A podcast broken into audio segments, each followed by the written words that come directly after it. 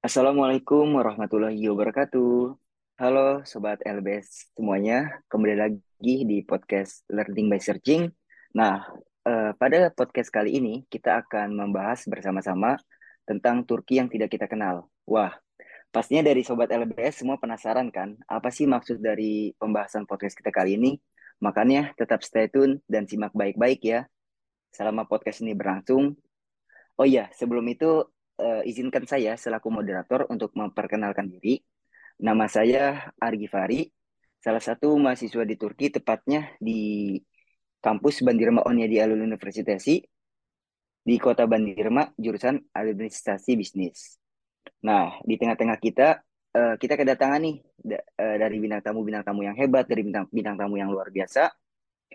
Ada saudari Syakila dan ada saudara Arya. Sebelum itu boleh nih dari saudari Sakila dulu untuk memperkenalkan diri sekaligus untuk menyapa sobat LBS kita bersama. Silahkan. Halo semua sobat LBS. Kembali lagi nih di podcast kita kali ini. Halo, nama aku Syakila Radina, bisa biasa dipanggil Syakila. Aku sekolah di sini sebagai pelajar SMA di sekolah Chozum Anadolu Lisesi di Istanbul. Salam kenal semua. Salam kenal. Oke. Uh, next kita kenalan oleh bintang tamu yang lainnya. Di sini ada Arya. Silakan untuk memperkenalkan diri sekaligus uh, menyapa sobat LBS kita. Silahkan. Oke, terima kasih Bapak moderator kita. Sebelumnya halo semuanya. Um, semoga hari-hari teman-teman bahagia. Uh, aku Arya. Aku sekarang mahasiswa semester 6 di Sakarya Universitasi mengambil jurusan Hubungan Internasional. Semoga yang jawaban yang aku berikan hari ini bisa memberikan insight baru ya buat teman-teman semua. Terima kasih. Mantap. Uh, Oke okay deh, sekarang kita kembali lagi ke topik pembahasan kita terkait uh, Turki yang tidak kita kenal. Maksudnya seperti apa dan bagaimana kita akan simak setelah ini. Nah, mungkin di sini uh, akan ada dijelaskan oleh dua bintang tamu kita yang keren-keren ini terkait poin-poin seperti sejarah Turki itu seperti apa, pola hidup orang-orang Turki itu bagaimana, bahasa Turki itu susah atau tidak sih? Nah, terus juga terkait ideologi-ideologi nasionalisme mereka itu bagaimana, serta budaya-budaya di Turki sendiri itu seperti apa. Nah, pastinya dari teman-teman udah gak sabar kan? Oke, langsung saja kita ke bintang tamu yang pertama uh, dari saudari Shakira di sini. Uh, aku ingin menanyain terkait sejarah yang ada di Turki.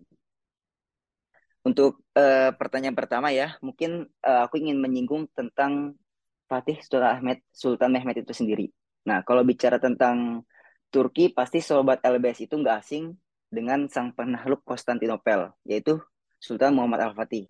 Nah, uh, gimana sih menurut dari Shakira sendiri, yang di mana Shakira ini sekarang sedang menempuh uh, jenjang SMA di Turki, khususnya di kota Istanbul sendiri. Bagaimana sih dari Shakira uh, ketika melihat saksi-saksi bisu yang di, yang ditinggalkan dari Konstantinopel itu sendiri. Silakan waktu dan tempat kami persilahkan. Terima kasih Bang Ari atas pertanyaannya. Uh, jadi untuk sejarah di Turki ini memang alhamdulillah banget ya aku bersyukur banget gitu dikasih kesempatan untuk uh, menempuh jenjang SMA di Turki ini, terutama di Istanbul yang aku sehari-hari tuh bisa melihat langsung ya benteng-benteng bekas penaklukan Konstantinopel dari pasukan para pasukan Sultan Muhammad Al-Fatih. Dan uh, memang sejarah Turki ini sebagai salah satu motivasi aku untuk SMA di sini. Mungkin kalau tadi Bang Ari nanya uh, tentang sejarah Muhammad Al-Fatih gitu ya.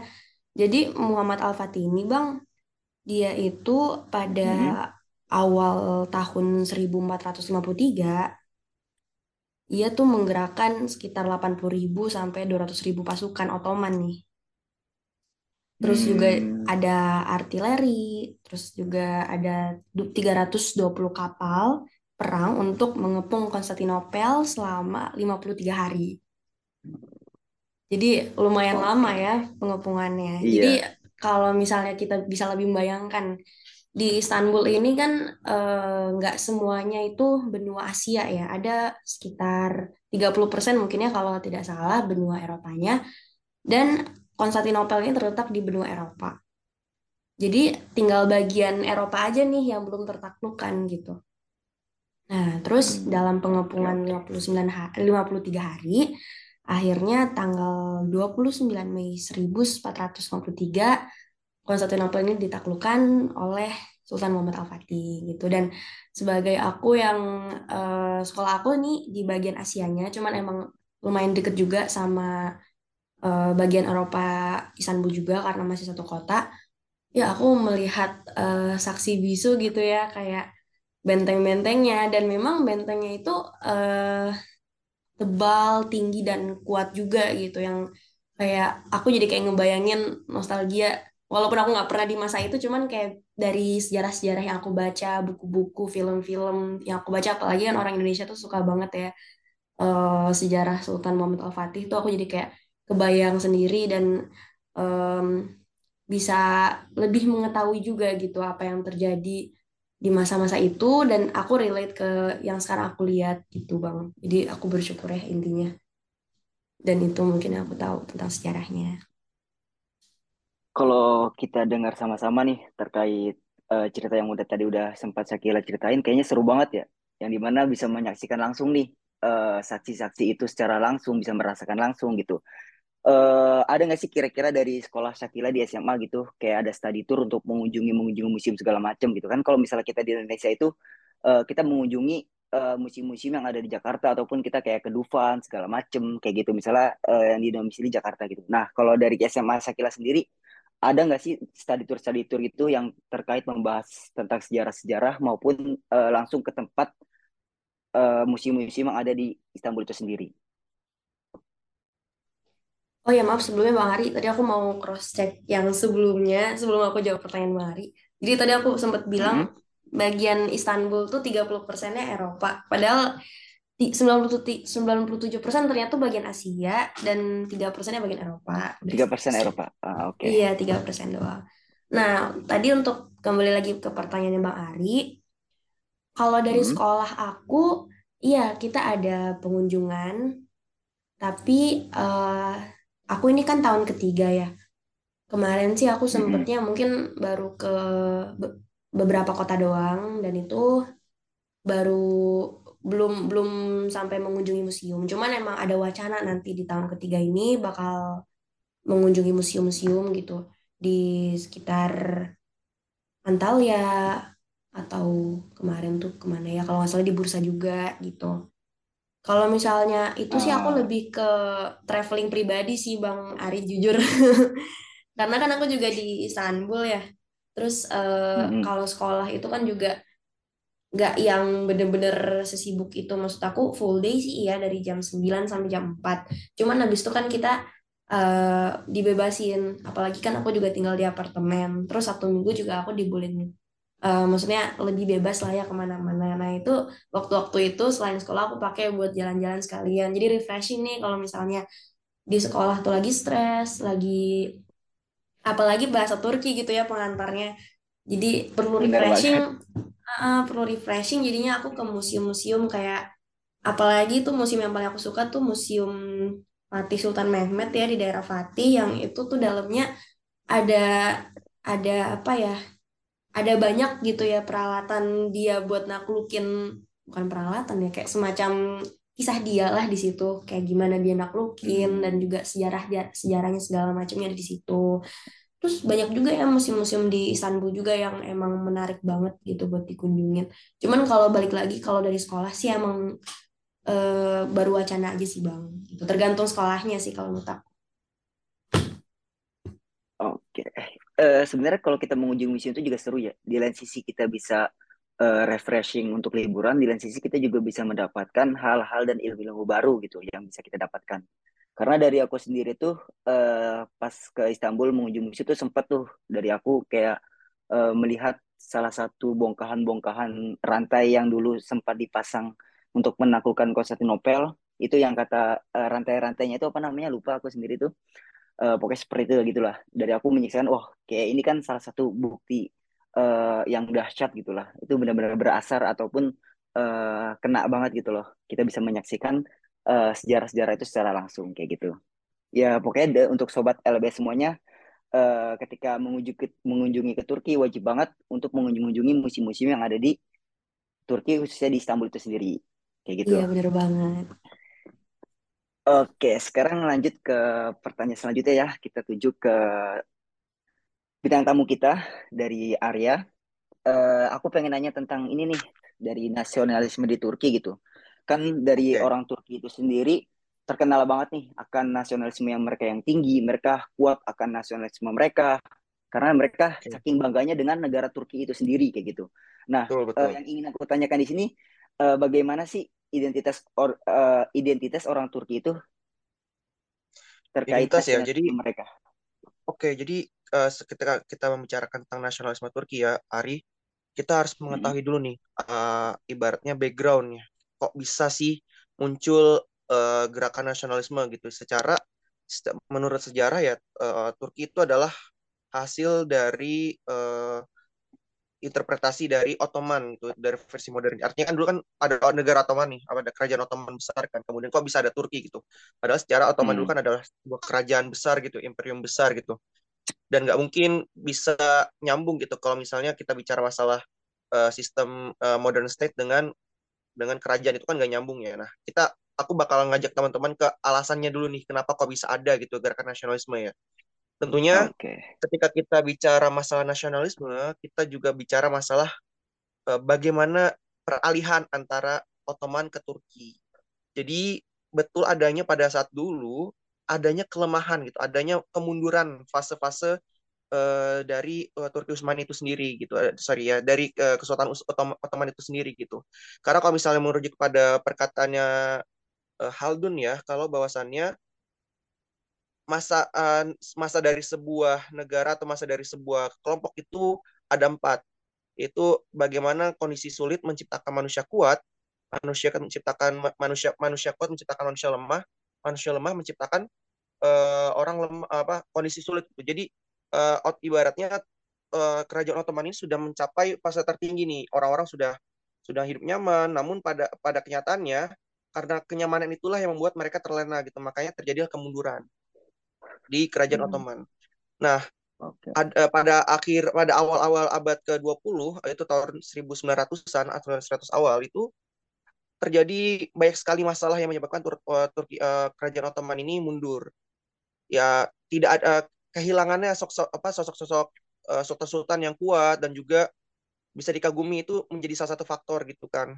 Dan juga terjadinya intrik-intrik dalam uh, istana yang semakin masif gitu ibaratnya. Jadi perebutan kekuasaan lah itu bahasanya. Jadi kalau misalnya uh, kita bisa me ingin mengetahui gitu ya bagaimana sebuah negara atau bagaimana sebuah um, uh, imperium itu akan hancur, kita lihat aja apakah internet itu ada masalah atau enggak. Karena kalau internet sudah ada masalah ya ya wassalamualaikum gitu ibaratnya umurnya nggak bakalan lama lagi gitu ya. Dan juga tentunya bagaimana uh, ada dulu kan pada saat Oman itu kan ada tentara spesial, ada special corps lah ya, let's say itu namanya Cherry atau orang-orang barat nyebutnya Janissary. Nah, tentara Janissary ini sudah ibaratnya sudah merosot lah martabatnya gitu. Dan apa ya ibaratnya banyak sekali uh, bahasannya tuh serangan dari belakang lah gitu dari dari pihak Janissary. Akhirnya uh, pada akhirnya Janissary itu dibubarkan dan juga tentu saja bagaimana kan dulu kan wilayah Ottoman itu sangat luas ya. Uh, tersebar hmm. dari benua Afrika kemudian dari benua Asia juga dan bahkan benua Eropa juga gitu. Nah ini banyak sekali uh, kalau dalam bahasa politik ada krisis gezak ya atau bagaimana ketidakharmonisan itu menciptakan gerakan-gerakan kecil yang menyebabkan pecahnya wilayah itu. Nah ini buktinya kan dulu Ottoman menguasai Arab Saudi akhirnya Saudi mem memerdekakan diri kemudian uh, banyaklah negara-negara yang pada akhirnya dia membedakan memerdekakan diri. Satu Armenia juga, Azerbaijan juga, dan sebagainya gitu. Dan tentunya juga salah satu penyebab bagaimana Ottoman itu bisa hancur adalah kita mengetahui adanya revolusi Perancis gitu ya. Bagaimana dulu Perancis bisa membuat sebuah negara dari sebuah kerajaan gitu kan dulu Perancis bentuknya kerajaan kemudian uh, dia ibaratnya orang-orang Turki ini mendapatkan ilham gitu. Nah, tentu saja juga uh, karena kita melihat dari faktor sejarah ya kalau uh, dari dalam kes dalam internal kerajaan atau internal kesultanan saja sudah rusak dan ada intrik-intrik politik yang menyebabkan perebutan kekuasaan dan sebagainya maka orang-orang barat mengatakan bahwasannya uh, Ottoman itu adalah the sick man of Europe mungkin teman-teman sering dengar juga ya bahwasannya orang yeah, Eropa yeah, yang yeah. sakit gitu bahwasannya hmm. dulu pada saat itu uh, Ottoman ini problematik lah gitu ya ibaratnya pada saat uh, penyerangan Vienna tahun 1600-an uh, 1600 saya lupa itu Turki tidak pernah atau Ottoman tidak pernah memenangkan perang sama sekali gitu setelah itu. Bahkan puncaknya adalah pada saat Perang Dunia Pertama ya. Perang Dunia Pertama kita mengetahui bahwasannya Turki uh, sorry Ottoman itu bergabung kepada blok sentral. Itu tergabung dengan uh, Jerman gitu ya pada saat itu. Melawan blok barat yang diisi dengan Inggris, kemudian Amerika, ada juga itu uh, Italia dan sebagainya gitu ya. Dan kedua negara ini sorry kedua blok ini saling berperang dan pada akhirnya adalah uh, Ottoman kalah gitu. Ottoman dengan Jerman ya. Yang menyebabkan banyak sekali kerugian gitu. Nah salah satunya adalah uh, pada saat dahulu itu uh, Turki mengalami yang namanya Sevres Treaty yaitu yang menyebabkan banyak sekali wilayah Turki itu hilang salah satunya Istanbul ibaratnya pada saat Sevres Treaty ini adalah ajang di mana orang-orang barat nih bagi-bagi kekuasaan lah, bagi-bagi wilayah gitu ya. Kayak ibaratnya bagian uh, Sparta itu dikuasai oleh uh, Yunani, kemudian daerah-daerah kanan atas, daerah Van dan sebagainya itu dikuasai oleh uh, Italia, kemudian kanan bagian bawah itu dikuasai Prancis. Kemudian juga tengah bawah itu dikuasai oleh uh, saya lupa itu. Uh, saya lupa ya. Pokoknya bagian itu dan tersisa itu oh ya dan juga Istanbul pada saat itu dijadikan wilayah internasional artinya wilayah netral gitu ya pada saat itu. Namun uh, pasukan uh, Turki di bawah komando Mustafa Kemal Atatürk yang berpusat pada saat itu berpusat di Ankara ya namanya uh, Turki Buyuk Meclis Turki Buyuk Millet Meclisi ya itu berpusat di Ankara tahun 1921 itu mencoba untuk melawan lah memukul mundur orang-orang tersebut gitu ya dan tentunya pada saat proses uh, pengembalian kembali uh, tanah-tanah itu ibaratnya orang-orang Turki benar-benar mengerahkan jiwa mereka lah gitu untuk bisa mengembalikan harkat martabat orang-orang Turki gitu.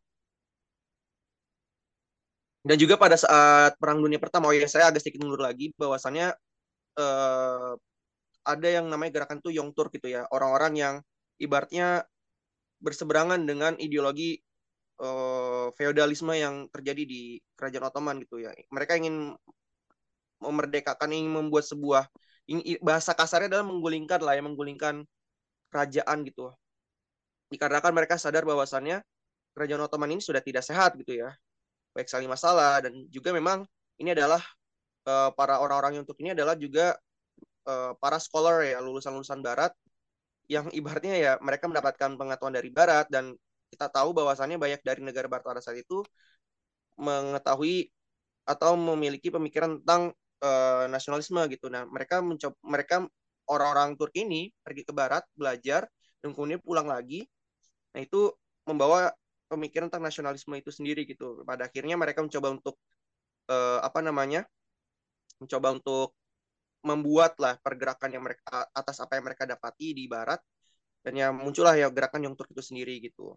Dan pada saat perang dunia pertama banyak sekali uh, aku nggak bisa nyebutin ya tapi salah satunya ya Mustafa Kemal Atatürk itu banyak sekali orang-orang uh, sudut apa namanya jabatan-jabatan strategis yang dikuasai oleh orang-orang Turki muda atau Young Turk ini gitu. Dan gerakan Young Turk ini sebenarnya ini apa namanya memiliki misi yang mulia gitu ya. Salah satunya adalah intinya menyampaikan Turki dari kerurutan total gitu. Ya kita ketahui bahwasannya pada saat pasca Perang Dunia Pertama Turki itu kalah, tentunya eh, banyak sekali masalah-masalah ya yang terjadi di Turki ya. Salah satunya adalah bagaimana establish lagi gitu Turki itu yang pada saat awalnya ada Ottoman yang sangat luas kemudian jadi tersisa Sakarya juga salah satu bagian dari Turki yang tersisa pada saat itu gitu. Nah, orang-orang Turki ini menyampaikan Turki secara menyeluruh gitu ya sebisa mungkin mereka bakal menyelamatkan lagi gitu Dan yang kedua adalah menanamkan semangat nasionalisme di kalangan rakyat. Ya. Tentunya bagaimana mereka ingin menyelamatkan kembali Turki dari keruntuhan otomatis harus ditumbuhkan jiwa-jiwa kembali gitu. Para orang-orang Turki ini jiwa-jiwa memiliki jiwa-jiwa memiliki rasa juang gitu. Karena tentu saja ya nggak bisa dipungkiri kalau kita kalah ya ibaratnya kan mereka posisi kalah tentunya mereka dalam kondisi terpuruk gitu dengan segala kekurangan yang ada dan sebagainya gitu. Dan tentu saja hasil dari kekalahan tentunya eh, ini ya adanya kejomplangan dari sosial, ekonomi dan juga budaya gitu ya. Ini salah satu fokus poin dari uh, Young Turk itu sendiri gitu.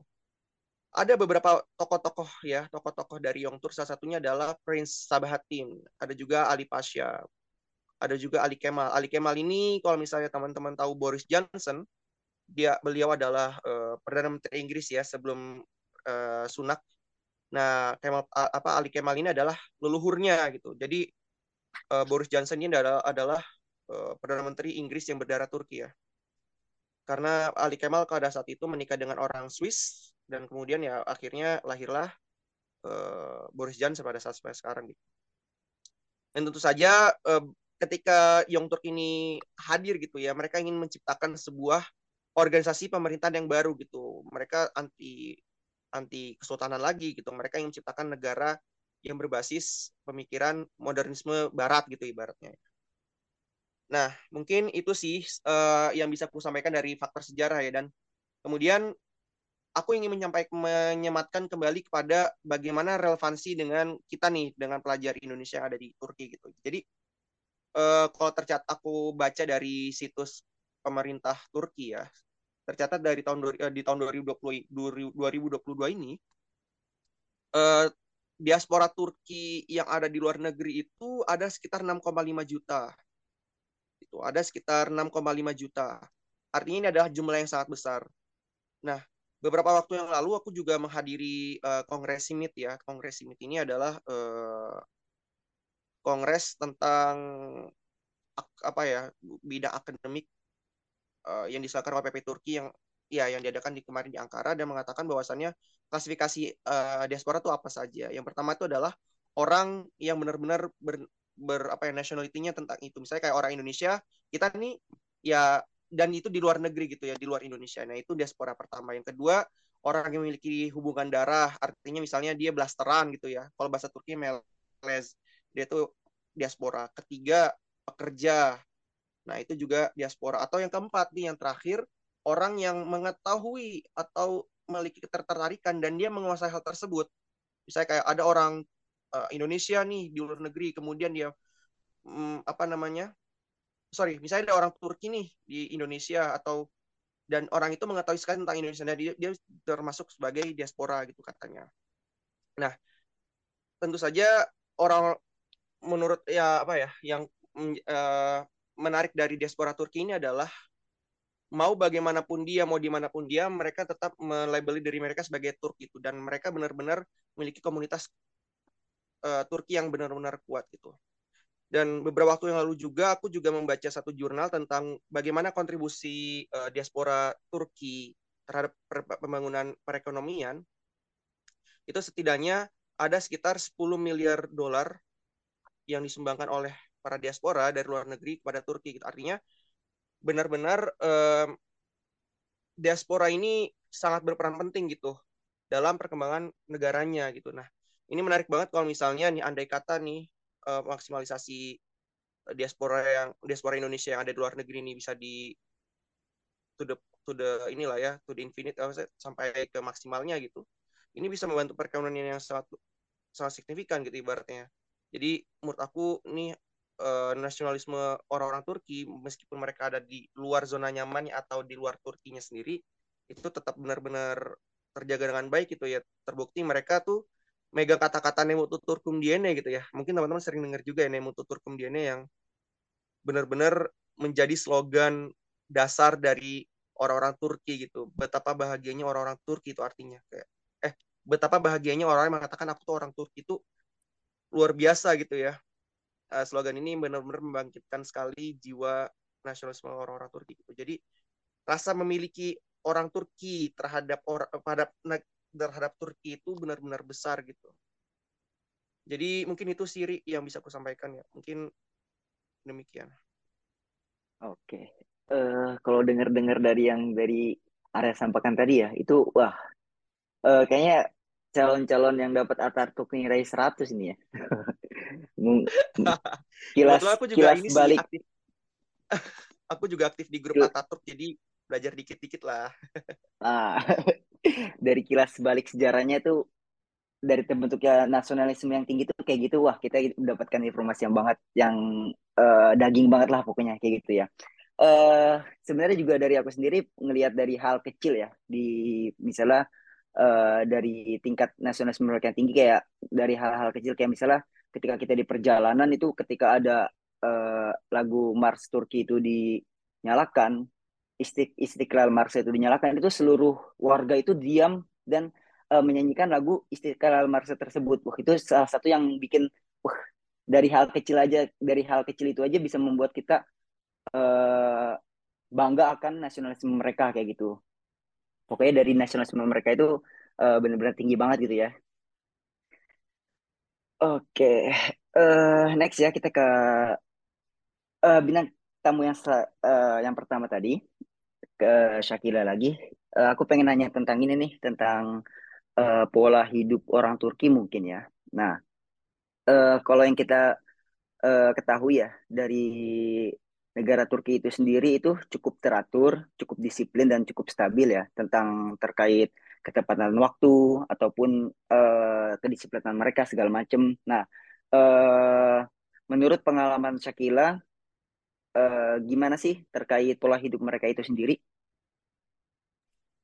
Hmm, bagus banget nih Bang pertanyaannya karena aku lumayan ngerasain nih perbedaan yang signifikan. Mungkin memang masing-masing negara emang punya kelebihannya masing-masing ya yang kita semua tahu juga.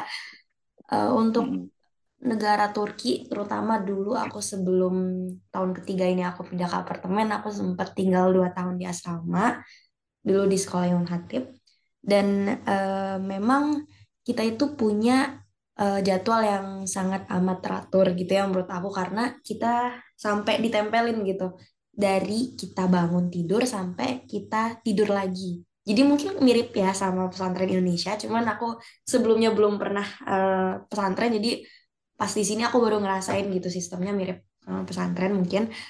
Kita uh, ada waktu dan jam yang bener-bener um, apa namanya ditentukan gitu. Misalnya bangun jam 5 terus uh, sarapan jam eh sorry nggak bangun jam 5 di sini soalnya subuhnya jam 7 bangun jam 7 sarapan jam 8 sampai jam 9 jam 9 sekolah terus sampai kayak gitu sampai kita tidur lagi tuh ditentuin gitu dan kalau di asrama itu kita bahkan ada uh, kelas malam. Jadi itu juga salah satu perbedaan di Indonesia dan di sini gitu yang aku rasain. Um, di sini tuh kita bener-bener ya tadi ya selain emang dibuatkan juga jadwal dari mereka terus juga uh, kita nggak boleh telat gitu. Telatnya itu karena mungkin bukan nggak sebenarnya mereka nggak secara langsung bilang nggak boleh telat cuman dari budayanya mereka tuh kayak uh, mereka tuh kayak jarang banget telat gitu apalagi ke sekolah jadi aku tuh biasanya di Indonesia kayak sekolah telat 15 menit tuh masih ya udah nggak apa-apa karena mungkin aku swasta juga kali ya.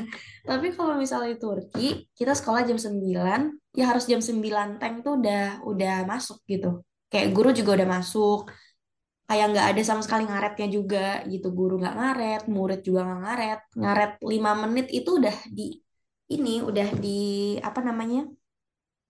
Udah bisa didapetin surat kayak SP1 gitu gitu jadi uh, bener-bener sih aku ngerasain kalau di sini tuh jarang banget ngaret terus bahkan aku uh, kalau misalnya sekolah itu nggak bisa jam 9 teng tuh udah di sekolah harus jam 9 kurang 10 atau kayak jam 8.45 tuh udah harus di sekolah gitu. Karena jaga-jaga kayak tadi. Soalnya aku pernah juga kayak sekali dua kali telat lah ya.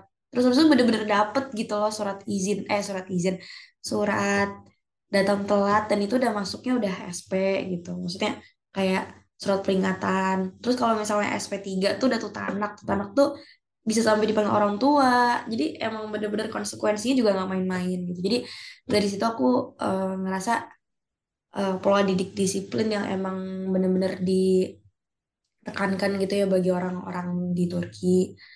Terus juga uh, selain keteraturan tadi yang aku bilang pola hidup orang sini tuh bersih rapih dan bersih. Jadi kalau di asrama aku itu kita setiap minggu itu selalu ada penilaian kamar asrama, kebersihan dan kerapihan kamar asrama.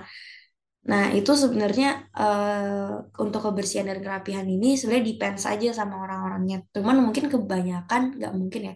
Aku udah kayak beberapa kali visit rumah-rumah teman aku yang emang uh, aku diajak ke sana gitu sebagai tamu. Terus rumah mereka tuh bener-bener nggak ada debu sama sekali gitu. Bahkan debu tuh nggak ada. Bener-bener kayak teratur, rapi, tertata. Jadi nggak ada tuh berserakan kayak misalnya piring belum dicuci, jemuran masih di mana-mana, eh masih belum diangkat, terus pakaian kotor segala macam nggak ada. Aku bahkan kan sampai sempet ditawarin nginep di situ ya, kayak aku lihat kamarnya tuh bersih banget gitu kayak macam macam hotel karena emang serapih itu. Terus um, balik lagi ke peraturan asrama aku yang tadi yang seminggu itu seminggu sekali kita uh, apa namanya ada penilaian jadinya anak-anak tuh uh, makin apa ya makin terlatih juga untuk bersih. Ditambah lagi kalau misalnya kita dapat nilai poin di bawah 5 gitu kalau nggak salah ya. Jadi kan kita penilaiannya sampai 10 uh, terbesarnya. Dan kalau di bawah 5 kalau nggak salah kita ada nggak boleh ngambil HP atau nggak telat ngambil HP. Nah, kalau tadi kebersihan yang dinilai untuk peraturan pengambilan HP pun kita juga dinilai eh dinilai ada ada peraturan ya gitu bang di asrama aku.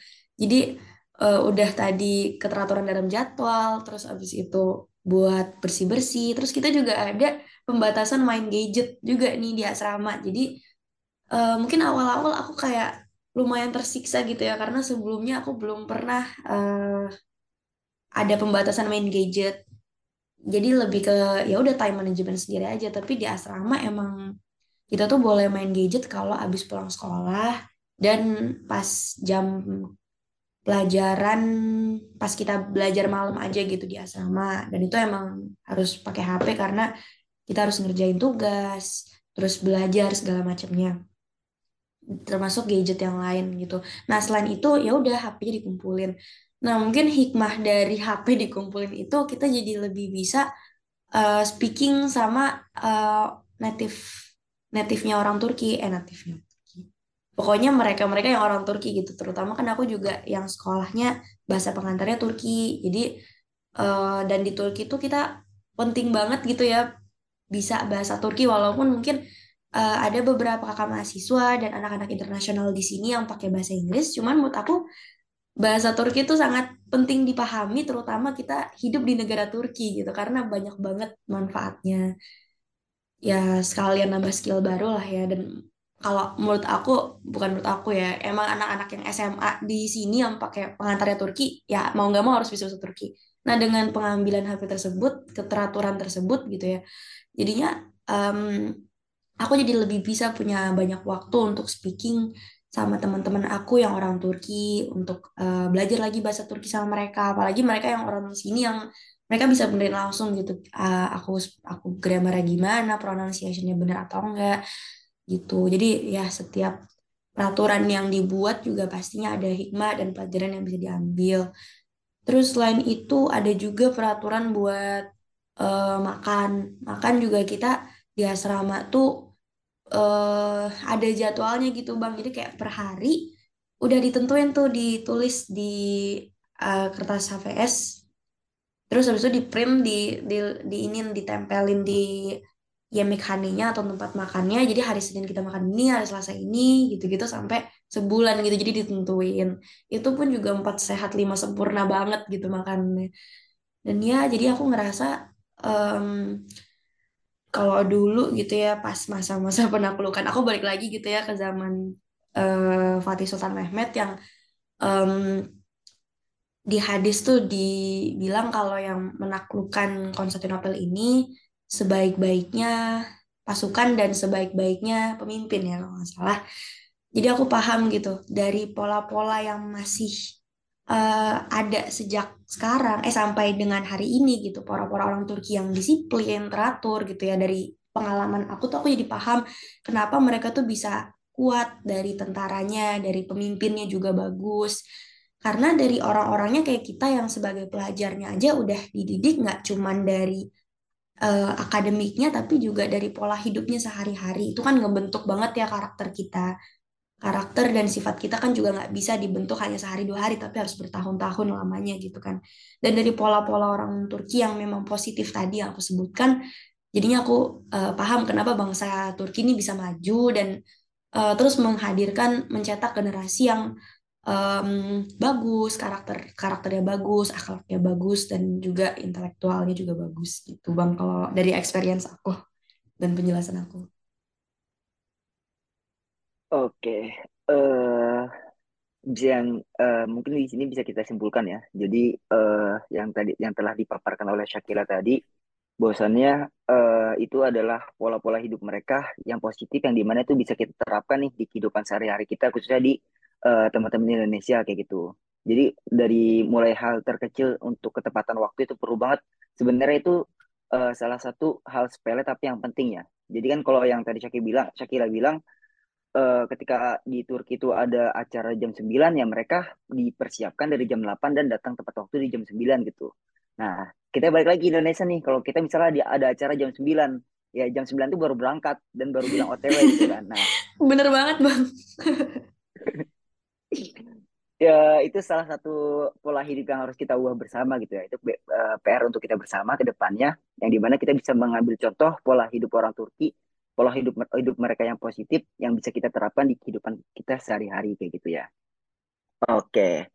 Eh, terus nih ke pembahasan selanjutnya ya, masih dengan Shakila. Eh, aku di sini pengen ngebahas tentang bahasa gitu mungkin ya. Nah, eh, bahasa Turki ya, susah atau enggak gitu. Terus juga eh, banyak nih dari beberapa pelajar-pelajar Indonesia bilang itu bahasa bahwasannya pela- eh, bahasa Turki itu susah gitu. Nah, eh, dari Shakila tuh gimana sih eh, terkait bahasa itu sendiri? Apakah itu susah atau tidak? Dan kalau misalnya susah, mungkin dari eh, Shakila sendiri bisa bagi nih ke kita tips and trick bagaimana cara eh, mempelajari bahasa Turki itu sendiri. Silahkan. Oke, jadi tadi di pembahasan sebelumnya aku sempat mention ya kalau misalnya kita mau belajar di Turki atau nggak cuma belajar deh, entah belajar, entah kita nikah di sini gitu ya sama orang sini ataupun kita kerja di sini. Intinya hidup di Turki itu menurut aku ya penting bagi kita untuk bisa bahasa Turki. Karena mungkin aku jelasin dulu kali ya Bang kenapa kita perlu bahasa Turki. Karena Boleh, di sini tuh kita kalau misalnya em, tinggal di sini, kita kan pasti nggak mungkin nggak belanja gitu kan. Entah belanja sandang pangan papan, kita pasti belanja. Dan nggak mungkin terus-terusan kita belanja di mall yang eh, nggak ada bargaining. Kita pasti ada, apalagi namanya ibu-ibu gitu ya, pasti belanja juga di pasar-pasar. Dan kalau misalnya ke sana tuh kita harus jago apa yang paling paling dasar kita harus jago nego harus jago apa nawar lah ya. Nah itu perlu bahasa Turki. Karena biasanya kalau orang-orang yang nggak bisa bahasa Turki itu akan dimahalin sama mereka nih. Para penjualnya pinter gitu yang turis-turis yang nggak ngerti bahasa Turki ya udah. Harga aslinya misalnya 50 tele nih. Udah buat eh, buat kita yang nggak ngerti bahasa Turki bahkan dikiranya turis tuh bisa 100 tele. Dengan kita punya kemampuan bahasa Turki jadi mereka bisa lebih relate. Bahkan kalau misalnya kita bilang kita pelajar di sini mereka bisa ngasih diskon buat kita gitu. Jadi ya itu salah satu eh, manfaat yang menurut aku sudah sering aku rasakan sebagai pelajar di sini apalagi SMA terus yang kedua ya itu ya eh, walaupun mungkin beberapa orang eh, mindsetnya kayak buat apa kita belajar bahasa Turki kalau eh, kita ini eh, belajar dengan bahasa Inggris. Mungkin ada beberapa juga yang kayak gitu yang belajar bahasa Inggris. Itu nggak apa-apa sih. Aku aku open minded aja. Cuman menurut aku ya karena karena ini depend sama orang-orangnya ya. Karena menurut aku ini skill itu adalah ilmu dan skill itu nggak akan eh, apa namanya sia-sia di masa depan gitu. Jadi kalau aku belajar bahasa Turki sekarang yang mungkin aku belum lihat manfaatnya, mungkin ya kalau misalnya aku posisinya aku apa namanya study pakai pengantar bahasa Inggris, ya aku mikirnya kayak mumpung aku di Turki, mumpung aku di negara Turki dan aku bergaul, sering bergaul dan berpapasan dengan orang-orang Turki pastinya, ya kenapa nggak aku sekalian aja gitu pelajarin bahasanya karena aku pribadi aku sangat tertarik gitu uh, untuk mempelajari hal baru, ilmu baru, apalagi kita udah ada uh, apa namanya kesempatan untuk tinggal langsung gitu di negara Turki. Jadi ya aku enjoy aja sih untuk mempelajari skill baru.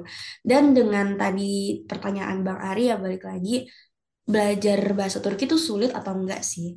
Menurut aku yang mungkin uh, para diaspora Indonesia ini bilang bahasa Turki ini sulit, um, mungkin karena kita di Indonesia tuh belum pernah gitu mendengar bahasa Turki sebelumnya. Mungkin mayoritas dari kita tuh belum pernah. Mungkin ada juga yang beberapa yang udah nonton drama-drama Turki, tapi itu pun di ini lagi ya di apa namanya dipakein apa ya Bang Ari namanya. Jadi kayak bahasa bahasa bukan subtitle kayak orangnya langsung gitu ngomongnya bahasa Indonesia. Dublage, dublage. Ah iya itu.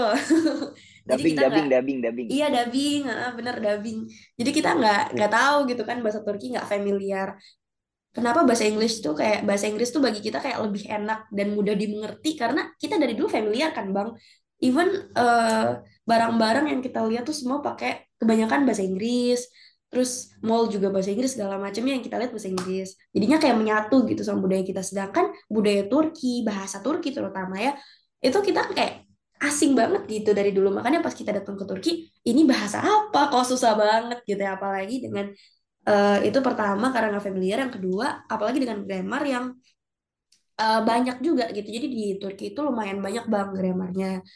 Jadi em, kalau misalnya di bahasa Inggris gitu ya, bahasa Inggris juga lumayan banyak sih ya. Cuman kalau di Turki ya sebelas dua belas mungkin ya sama bahasa Inggris cuman tingkat kesulitannya mungkin beda kalau menurut aku.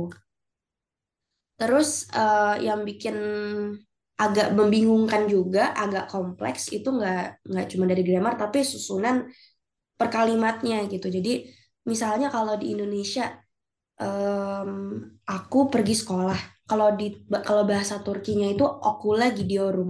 Nah, kalau di kalau bahasa Indonesia kan aku pergi sekolah, aku itu kan subjek ya. Pergi itu predikat, sekolah itu objek. Nah, kalau di Turki okula gidiyorum. Okula itu okul itu sekolah.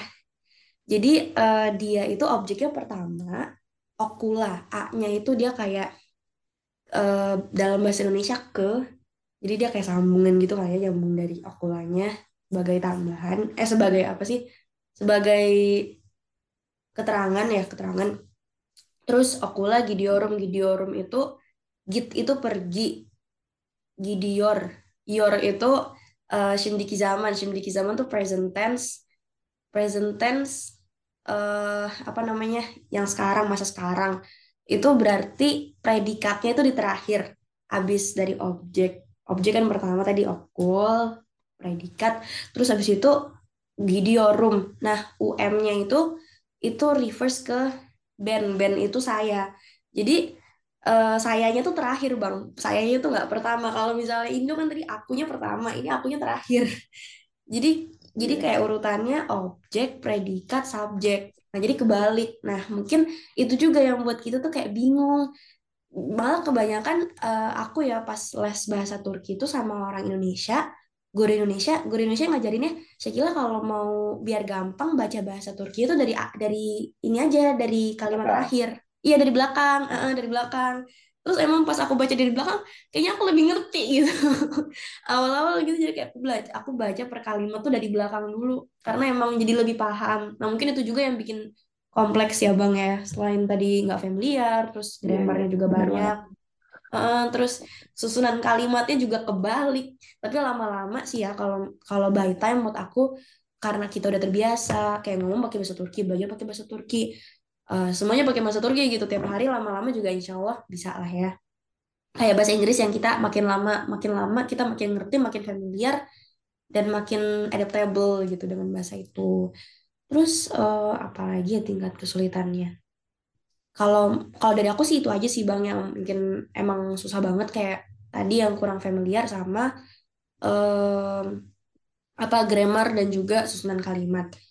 Terus kalau misalnya gimana sih tips and trick? Karena sulit tadi, gimana sih tips and trick belajar bahasa Turki dari Shakila? Kalau dari Shakila pribadi, Bang, aku itu belajar bahasa Turki di tahun pertama itu cuman jujur cuma tiga bulan. Karena aku datangnya tuh di tahun-tahun corona, which is 2020 dan aku sempat agak telat juga datang ke sini eh, dikarenakan eh, sempat nggak boleh ya eh, apa namanya berpergian berdatangan ke beberapa negara termasuk di Turki. Jadi emang ya ada masalah dengan itu akhirnya agak telat. Dan kalau untuk anak SMA itu sebenarnya kita normalnya belajar bahasa Turki itu persiapannya satu semester. Satu semester itu kan enam bulan dan SMA di sini itu tuh empat tahun. Jadi SD SMP SMA itu empat tahun empat tahun empat tahun. Which is di Indo tiga tahun tiga tahun eh enam tahun tiga tahun tiga tahun gitu ya. Tapi kalau dijumlahin sama 12 tahun. Nah untuk yang orang asing di sini kita tuh normalnya satu semester tuh belajar bahasa Turki dulu. Setelah itu baru kita ke pelajaran-pelajaran yang sama gitu dengan orang-orang yang Turki eh, orang-orang Turki pelajari gitu SMA di sini.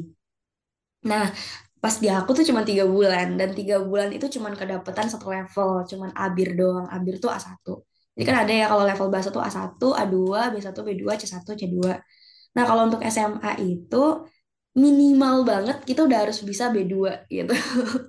Kalau untuk kuliah mungkin c satu ya Bang ya, kalau nggak salah Bang Ari, Bang Arya c satu. B2 minimal bisa.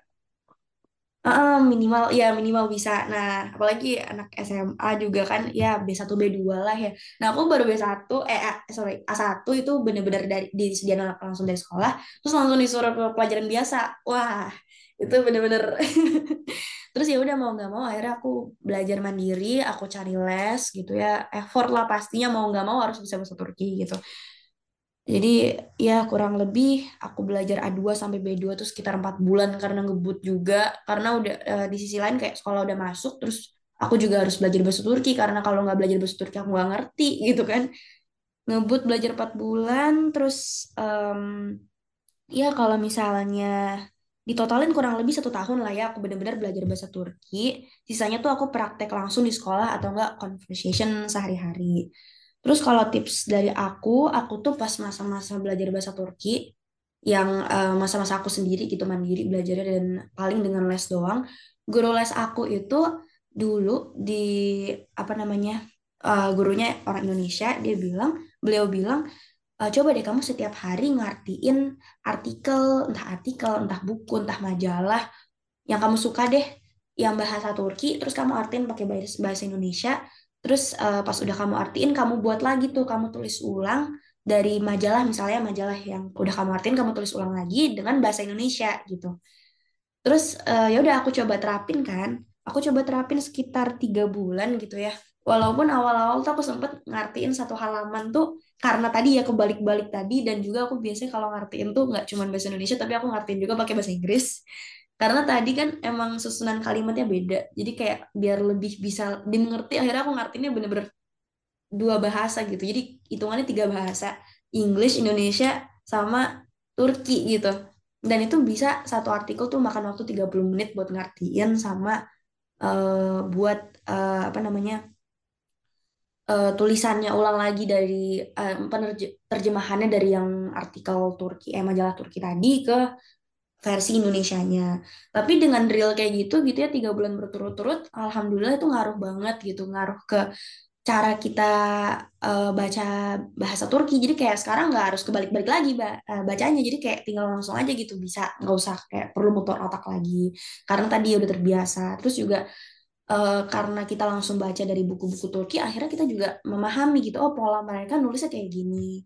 Susunan kalimat mereka lama-lama kita terbiasa tanpa menghilangkan eh, apa namanya bahasa-bahasa kita. Misalnya Indonesia tiba-tiba lupa nggak nggak kayak gitu. Karena kan tadi diartikan dan kebanyakan juga ya orang-orang yang ke sini belajar pakai bahasa Turki lama gitu misalnya lima tahun tuh lupa bahasa Inggris. Padahal dulu mereka bisa bahasa Inggris. Nah makanya aku bilang ngerti ini sekalian pakai bahasa Inggris biar bahasa Inggrisnya nggak hilang. Gitu. Terus untuk eh, tips kedua dari aku adalah praktik. Jadi em, tips pertama tadi tuh eh, ngartin artikel itu udah include dengan itu catatannya kalian udah mempelajari semua grammar bahasa Turki gitu ya sampai B2 lah ya minimal B1 B2 tuh minimal banget udah paham grammar udah belajar baru kalian artiin pakai tips satu tadi terus tips duanya adalah praktik jadi praktik ini uh, dari grammar, teori, dan kosakata yang sudah dipelajari dan dihafalkan, tinggal gimana caranya diaplikasikan dan dieksekusikan gitu. Dan akan lebih baik jika langsung bicara sama native speaker, karena jika kita salah pronunciation atau salah grammar tuh mereka bisa langsung koreksi. Dan biasanya orang-orang Turki ini, kalau yang dari experience aku, kebanyakan gitu ya, majority, mereka tuh sangat open gitu dengan pelajar-pelajar Indonesia yang di mana mereka sangat haus akan ilmu gitu. Jadi mereka bukan kayak malah risih gitu ditanyain. Malah mereka kayak menawarkan diri ini kamu kalau ada yang nggak ngerti bahasa Turki atau PR bahasa Turki kaku aja. Nah kalau kayak gitu kan kita juga lebih enak ya menjaga hubungannya dan uh, makin enjoy juga gitu bahasa Turki. Dan mereka intinya baik-baik lah ya kalau emang kita uh, menunjukkan niat kita untuk bener-bener pengen bisa bahasa Turki. Jadi mereka kayak ngerasanya dihargai dan wah ada ya ternyata orang asing yang tertarik juga belajar bahasa negara kita gitu bahasa bahasa bahasa Turki gitu. Terus untuk tips terakhir uh, abis tadi apa ya mengartikan terus praktik. Mungkin yang terakhir istiqomah ya menurut aku. Istiqomah. Jadi um, apa namanya istiqomah? Maksud aku tuh kayak karena kita emang pelajar di sini sih udah insya Allah udah bisa konsisten dan istiqomah terus terusan ngelatih bahasa Turki tersebut gitu ya dengan um, belajar terus. Terutama yang pelajar di sini dengan bahasa Turki pastinya kita uh, tiap hari belajar juga pakai bahasa Turki. Terus juga nggak um, cuman belajar kita juga harus ngelatih speaking kita gitu ya dengan bahasa Turki. Yang pastinya selain uh, istiqomah juga kita tawakal juga ya menurut aku bang. Tawakal kayak ya udahlah kita udah ngelakuin effort 100% gimana caranya yang di atas tuh ya udah kita serahin aja ke yang di atas gitu. Gitu bang Ari kalau tips dari aku. Oke. Uh, keren banget sih tips-tips and trick dari Shakira ini ya. Semoga uh, dari yang udah dikasih dari Shakira tadi terkait tips and tricks bisa bermanfaat banget nih untuk sobat LBS kalian uh, kalau dari menurut aku sendiri ya uh, sebenarnya bahasa itu bukan suatu hal yang kita pelajari gitu. Tapi bahasa itu lebih ke lingkungan. Kenapa sih kok bisa dibilang lingkungan gitu ya? Karena kan uh, bahasa ini adalah suatu salah satu budaya juga gitu. Masuk ke budaya juga orang Turki itu sendiri itu gimana. Yang di mana uh, kalau kita hanya mempelajari bahasa Turki ini tanpa mempraktekannya itu kan uh, benar-benar sulit gitu ya jadi uh, makanya di sini yang aku bilang bahwasannya bahasa itu uh, budaya bukan suatu hal yang dipelajari doang kayak gitu. Dan juga uh, salah satu lingkungan, mohon maaf. Oke, okay. uh, next ya kita ke pembahasan terakhir nih. Pengen ngebahas terkait budaya yang ada di Turki. Kita kembali lagi ke bintang tamu Arya. Apakah masih membersamai kita? Masih dong, masih masih aman Oke. Okay. Okay uh, aku pengen nanya nih yang pertama gini ya. Uh, kita sebagai warga Indonesia pastinya kita terbiasa dengan budaya-budaya Indonesia gitu ya. Iya. Dan ketika kita uh, menjadi diaspora, khususnya kita pergi ke Turki gitu ya, kita otomatis mempelajari budaya baru yaitu budaya-budaya orang-orang Turki. Nah, di sini kan kita ada namanya uh, sedikit tabrakan budaya gitu ya, perbedaan budaya antara budaya Indonesia sendiri dengan budaya orang Turki itu sendiri gitu. Karena banyak hmm. perbedaan budaya perbedaan budaya itu sendiri kayak gitu. Nah, uh, gimana sih kalau menurut Arya sendiri? Ya, jadi uh, tentang budaya orang Turki ya. Hmm. Sekali lagi, tentunya banyak sekali hal-hal yang positif yang bisa kita ambil dan kita bisa aplikasikan gitu di Indonesia ya. Karena uh, pertama kebetulan kemarin saya habis ini habis uh, internship di CDE di Ankara di mana internship saya itu membahas tentang bagaimana uh, konstruksi sosial itu diciptakan gitu dan kemarin juga membahas tentang budaya. Jadi intinya budaya itu adalah suatu hal yang dinamis gitu ya. Budaya adalah suatu hal yang dinamis dan bisa berubah kapan saja gitu. Misalnya ibaratnya uh, dulu orang-orang uh, misalnya ya itu uh, kalau misalnya jalan depan orang tua itu nunduk-nunduk gitu. Sekarang jalannya ya mohon maaf gitu banyak sekali yang ibaratnya menyampaikan hal tersebut kayak ya Angkuh, udah kalau angkuh, depan angkuh orang gitu ya. iya kayak misalnya juga aku kamu dulu ya ngomongnya aku kamu Hmm. saya sekarang lebih ke gua gitu ya itu itu salah satu bukti dari bagaimana budaya itu bergeser gitu ya namun bukan berarti eh, pergeseran budaya itu harus selalu ke negatif ya ada kalanya kita juga untuk mengusahakan gitu ya me- melakukan atau memperkenalkan budaya-budaya positif gitu. Nah, dalam hal ini saya ingin memperkenalkan bagaimana sih ada atau beberapa poin budaya yang positif gitu dari eh, negara Turki gitu. Saya mengutip dari majalah Konstantinesia eh, karena beberapa beberapa waktu lalu saya juga menjadi ini ya menjadi eh, koresponden dari majalah ini tentang bagaimana sih gaya masyarakat Turki gitu ya. Jadi kalau misalnya teman-teman ingin, saya ingin menjelaskan secara eh, secara verbal ya. Mungkin teman-teman nanti bisa muka langsung tentang eh, hal tersebut di di Konstantinesia itu judulnya tentang enam gaya hidup masyarakat Turki yang bisa diteladani.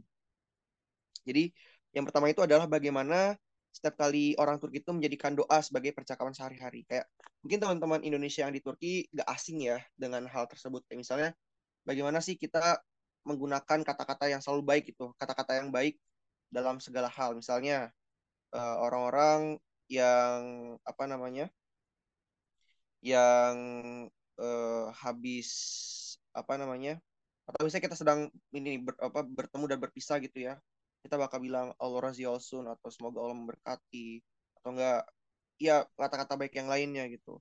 Atau misalnya juga eh, ada orang yang sedang melakukan pekerjaan gitu ya, atau lagi belajar, lagi ujian, kan kalau orang Indonesia bisa, biasanya kalau bisa dibilang eh gue lagi ujian nih gitu. Terus dia bilang oh oke gitu. Ya maksudnya nggak ada reaksi lainnya kan. Tapi kalau orang Turki bilang kayak kolagi gelsin gitu. Semoga kemudahan semoga diberikan kemudahan gitu. Atau enggak kadang-kadang bilang Allah yardem jenis olsun atau enggak Allah kolak versin semoga Allah menjadikan apa semoga Allah menjadi eh, yang membantu kamu atau enggak semoga Allah memberikan kamu kemudahan gitu. Ini kan membuktikan bahwasannya ada sebuah budaya positif gitu ya di Turki bahwasannya segala hal itu dirangkai dengan doa gitu ya. Jadi itu mungkin yang pertama gitu tentang eh, eh, apa namanya eh, budaya orang Turki gitu. Yang kedua itu adalah eh, penyayang binatang gitu. Ya saya sebagai orang Jakarta Selatan ya yang dulu sering makan di warteg, saya sering gitu ngelihat fenomena ini gitu kayak misalnya ada beberapa orang yang gak suka kucing gitu ya, itu dilemparin dilemparin air gitu kayak kenapa Lempar harus dilempar panas gitu ya. Iya Pak, kayak maksudnya kita kalau nggak suka sama hewan itu nggak usah menyakiti gitu ya. Cukup kayak khusus aja gitu. Nggak usah sampai dilempar air, nggak usah sampai disakitin tuh jangan sampai gitu. Nah, di Turki sendiri tuh luar biasa gitu ya. Eh, apa namanya menyayangi hewan gitu. Bahkan kalau misalnya saya pernah baca satu jurnal, budaya ini tuh memang sudah menjadi budaya turun temurun gitu dari masa Ottoman dulu ya. Ya ibaratnya kalau misalnya teman-teman ke Istanbul atau ke kota-kota Turki yang lainnya, misalnya di pinggir jalan ya, itu pasti ada aja kayak shelter-shelter buat kucing, buat anjing gitu. Atau misalnya di jalanan ini ini menurut saya unik banget ya. Di jalanan itu di paving block gitu ya. Biasanya paving block itu dibuat agak sedikit eh, cekung ke bawah gitu. Nah, itu fungsinya adalah untuk menaruh menadah air hujan biar kucing-kucing, biar anjing itu bisa minum dari situ gitu. Bahkan ibaratnya banyak orang gitu yang ibaratnya eh, sering berhenti untuk ngasih makan atau sekedar ngelus aja gitu. Itu kan menandakan bahwasannya hewan itu benar-benar mendapatkan tempat yang spesial ya buat orang Turki itu. Gak cuma hewan-hewan yang normal kayak kucing atau anjing. Bahkan ibaratnya kalau di kota saya nih eh, tempat sampah di di apa namanya bukan tempat sampah sorry di dekat tempat sampah tuh biasanya kayak ada semacam eh, semacam apa ya semacam kayak bangunan kecil gitu itu diperuntukkan untuk menadah air hujan dan juga naruh orang-orang yang pengen ngasih makan ke burung atau ke tupai gitu. Itu menurut saya hal-hal yang sangat langka yang mungkin ada di Indonesia itu sangat langka gitu. Bahkan saya nggak pernah nemuin sih di Indonesia gitu ya. Tentang bagaimana gitu. Mungkin sudah saatnya gitu ya kita sebagai sesama makhluk Tuhan yang mungkin manusia di sini yang lebih diuntungkan karena diilhamkan sebuah akal ya itu bisa menggunakan lebih baik itu bagaimana mereka nge-treat man- eh, makhluk hidup yang lainnya salah satunya hewan gitu ya dan juga bagaimana orang Turki ini eh, memiliki minat baca yang cukup baik gitu ya ibaratnya mungkin eh, kalau misalnya melihat dari rata-rata eh, apa namanya uh, literasi orang Turki itu mencapai 96,77 persen gitu ya. Nah ini mungkin nggak jauh beda tingginya dengan orang Indonesia yang rata-rata itu 96 persen gitu. Namun di sini jika kita bicara masalah uh, jumlah penduduk, ini artinya orang Turki itu sudah efisien gitu ya.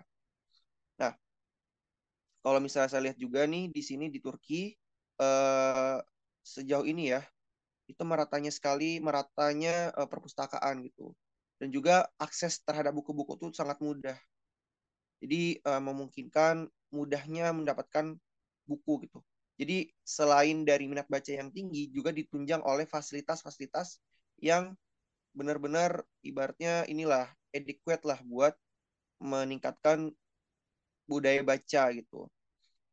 Nah, mungkin kalau teman-teman pengen lihat ya, pengen jalan-jalan bagaimana sih kerennya fasilitas di Turki ya, baik dari yang sifatnya makro dan mikro, itu teman-teman mungkin saya akan mengintroduksi bagaimana mikro itu. Jadi di Turki itu ada yang namanya uh, Genç Merkezi. Nah di Genç Merkezi ini adalah artinya tuh pusat kepemudaan ya. Jadi di pusat kepemudaan ini bukan hanya uh, tempat olahraga, tidak, tapi di sini ada tempat meningkatkan budaya literasi gitu. Jadi biasa di Genç di Genç Merkezi di setiap uh, di setiap kota itu ada perpustakaan perpustakaan gitu. Jadi orang-orang nih kalau anak-anak muda tuh biasanya kalau di Indonesia kan kebanyakan tuh kan kalau nongkrong main game gitu kalau di sana nggak nongkrongnya di Genshin Merkezi kemudian baca buku gitu nah setahu saya di Turki sendiri itu ada sekitar 181 Genshin Merkezi gitu. Dan saya sudah mengunjungi sekitar uh, Saqqara ada dua Antalya ada dua juga empat Ankara ada dua juga enam dan Istanbul saya tiga ya sembilan. Saya udah ngunjungin eh sama, uh, 10 sama Çanakkale saya udah mengunjungi 10 Genshin Merkezi dan Games Merkez itu benar-benar terintegrasi dengan sangat baik gitu. Jadi bagaimana mereka meningkatkan uh, apa namanya kepemudaan kualitas muda apa kualitas para pemuda itu sangat luar biasa gitu, sangat bagus gitu.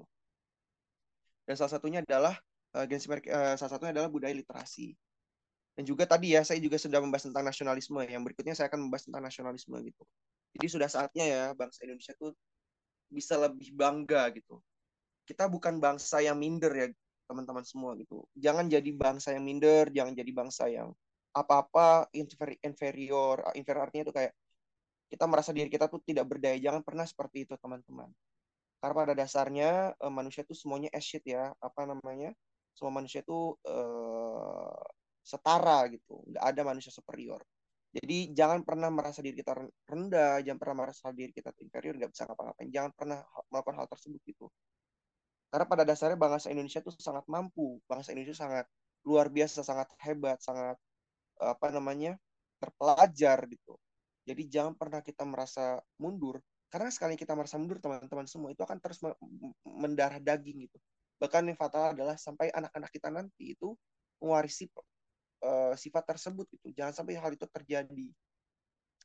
Maka dari itu uh, dalam konteks uh, apa namanya dalam konteks meniru ya, meniru budaya orang Turki, budaya nasionalisme ini sangat penting gitu. Terlebih uh, kita adalah bangsa yang besar dengan berbagai macam diversity yang ada, itu tentu saja memiliki potensi yang besar dalam perpecahan gitu. Nah, sudah saatnya bagi kita untuk menguatkan kembali jiwa nasionalisme kita di masing-masing supaya perpecahan itu tidak akan pernah terjadi gitu. Tentunya kita tidak ingin itu terjadi ya perpecahan uh, misalnya antar suku atau antar agama gitu tentu saja kita tidak ingin itu terjadi gitu namun itu bisa saja terjadi jika kita tidak memiliki jiwa nasionalisme yang cukup gitu teman-teman semua. Kemudian juga ini yang menarik ya uh, saya sebagai orang muslim sebagai seorang muslim uh, sering melihat fenomena ini gitu. Ini yang kelima adalah bagaimana mereka bisa bijaksana dalam menyikapi anak kecil yang bermain di masjid gitu. Jadi Ali bin Abi Thalib pernah mengatakan bahwasannya uh, adalah sebuah uh, peringatan kurang lebih seperti konteksnya ya, adalah sebuah peringatan jika kita tidak bisa mendengar suara sorak-sorak anak kecil di masjid itu. Karena menurut saya masjid itu bukanlah sekedar tempat ibadah ya, tapi itu adalah bagaimana pusat umat Islam itu sendiri gitu. Bahkan uh, dalam sejarahnya itu masjid itu bukan hanya tempat ritual keagamaan, namun menjadi sebuah tempat di mana pusat uh, politik, pusat ekonomi, kemudian pusat sosial budaya dan sebagainya itu di masjid gitu teman-teman. Jadi apalah guna masjid jika kita menganggap itu sebagai tempat ibadah saja. Tapi jika tidak diimbangin dengan uh, bidang-bidang yang lainnya, saya rasa itu tidak ada gunanya gitu teman-teman. Mohon maaf saya mengatakan hal tersebut ya karena uh, masjid ini uh, ada masjid hadir di, di antara kaum muslimin itu sebagai uh, pusat dari uh, ke, uh, apa namanya gelistirme gitu. Jadi uh, pusat upgrading ourselves gitu di situ di masjid gitu ya. Bagaimana nanti uh, anak-anak kecil ini jika ya di sore sering banget terjadi di Indonesia gitu. Jika mereka dilarang ke masjid, kemudian mereka trauma, akhirnya apa? Mereka tidak akan pernah ke masjid sama sekali gitu. Pengalaman saya ketika selama di Turki sendiri itu pada saat puasa ya, setiap kali puasa dan kita sholat tarawih, itu orang-orang anak-anak kecil tuh benar-benar ramai banget itu di masjid itu. Ramai. Namun yang terjadi adalah mereka tidak diusir mereka nggak dimarahin, tapi mereka dibimbing dan dibina. Oh, ternyata di masjid itu seperti ini ya, dan ada satu ustadznya gitu. Ya, let's say ustadz ya. Di sana tuh mereka membimbing anak-anak ini supaya uh, bisa lebih paham bagaimana mereka bersikap di masjid dan sebagainya gitu.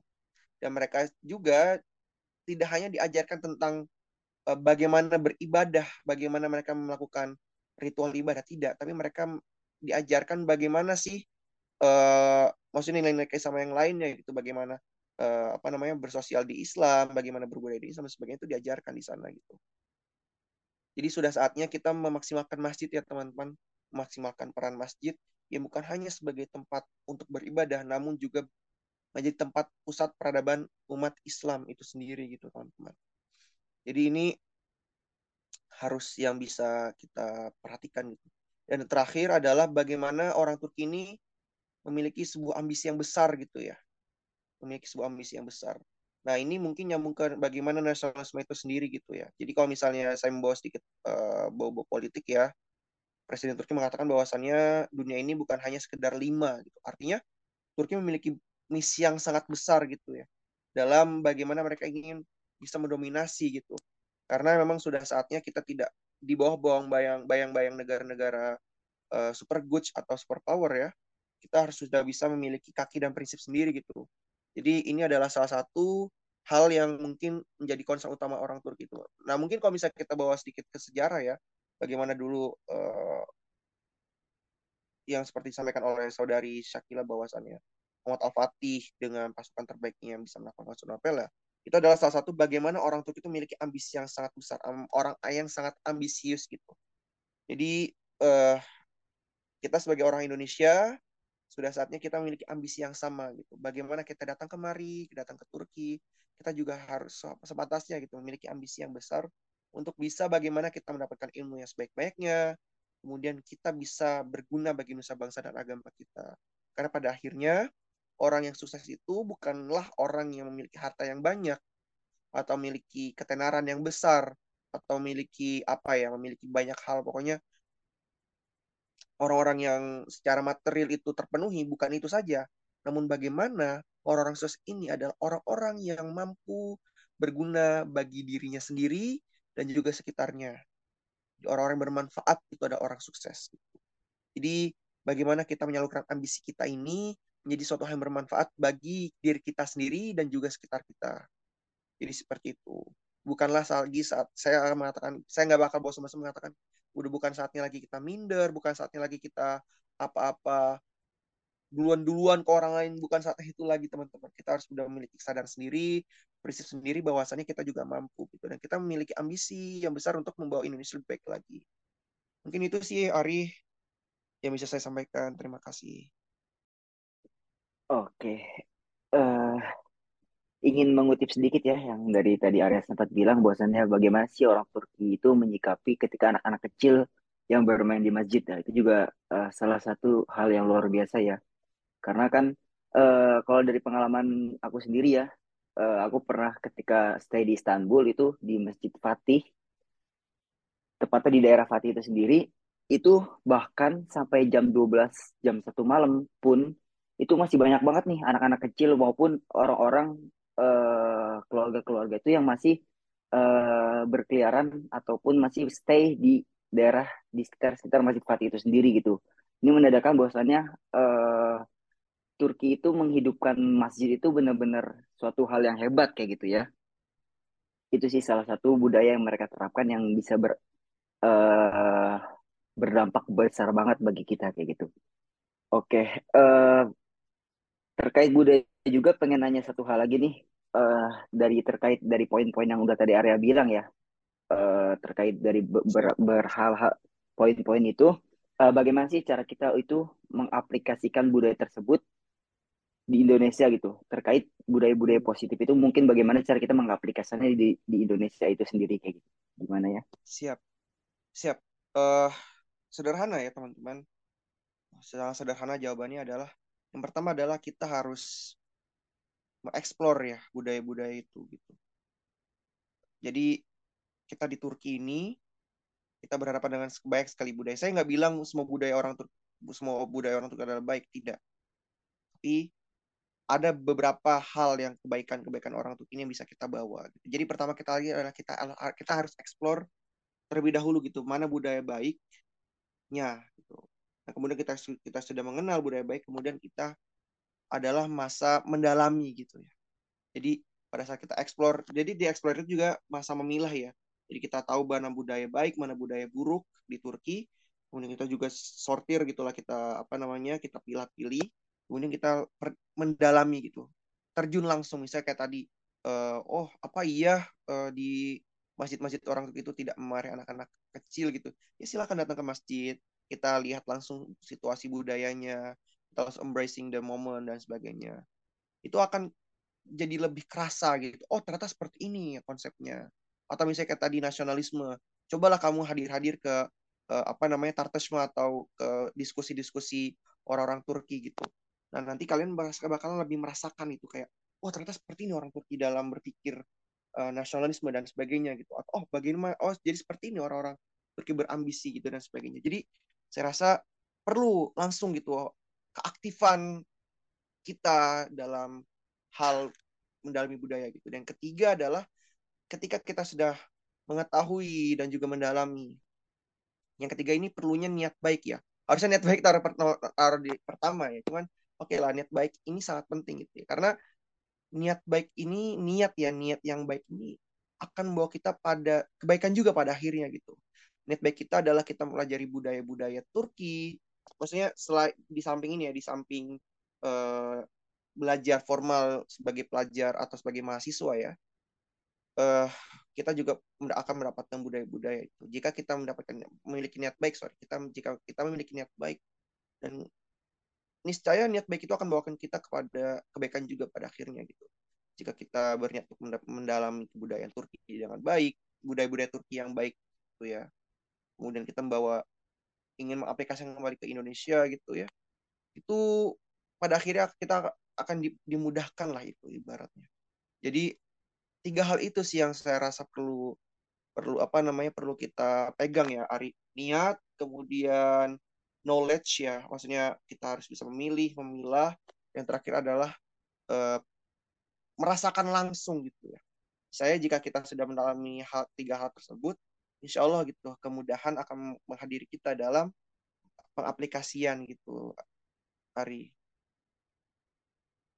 mungkin itu Siri makasih Siri Oke, uh, kayaknya sudah cukup nih ya untuk podcast kita hari ini ya. Uh, kita sudah berada di akhir ujung podcast LBS kita pada episode kali ini. Uh, nggak terasa banget nih ya, kita udah cukup panjang, cukup lama berbincang hangat bersama bintang tamu yang luar biasa ini, yang di mana uh, sudah memaparkan jawaban-jawaban keren-keren banget pokoknya, yang di mana uh, harapannya bisa memberikan manfaat, bisa memberikan memberikan informasi-informasi kepada sobat LBS semuanya. Sebelumnya terima kasih banget nih ke Arya dan Syakila yang telah meluangkan waktunya di kesempatan kesempatan podcast kita pada kali ini. Uh, untuk sobat LBS semuanya, uh, nantikan episode episode podcast Learning by Searching selanjutnya. Tetap stay tune di podcast kita. Terima kasih. Selebihnya mohon maaf. Wabillahi taufiq wabidayah. Assalamualaikum warahmatullahi wabarakatuh.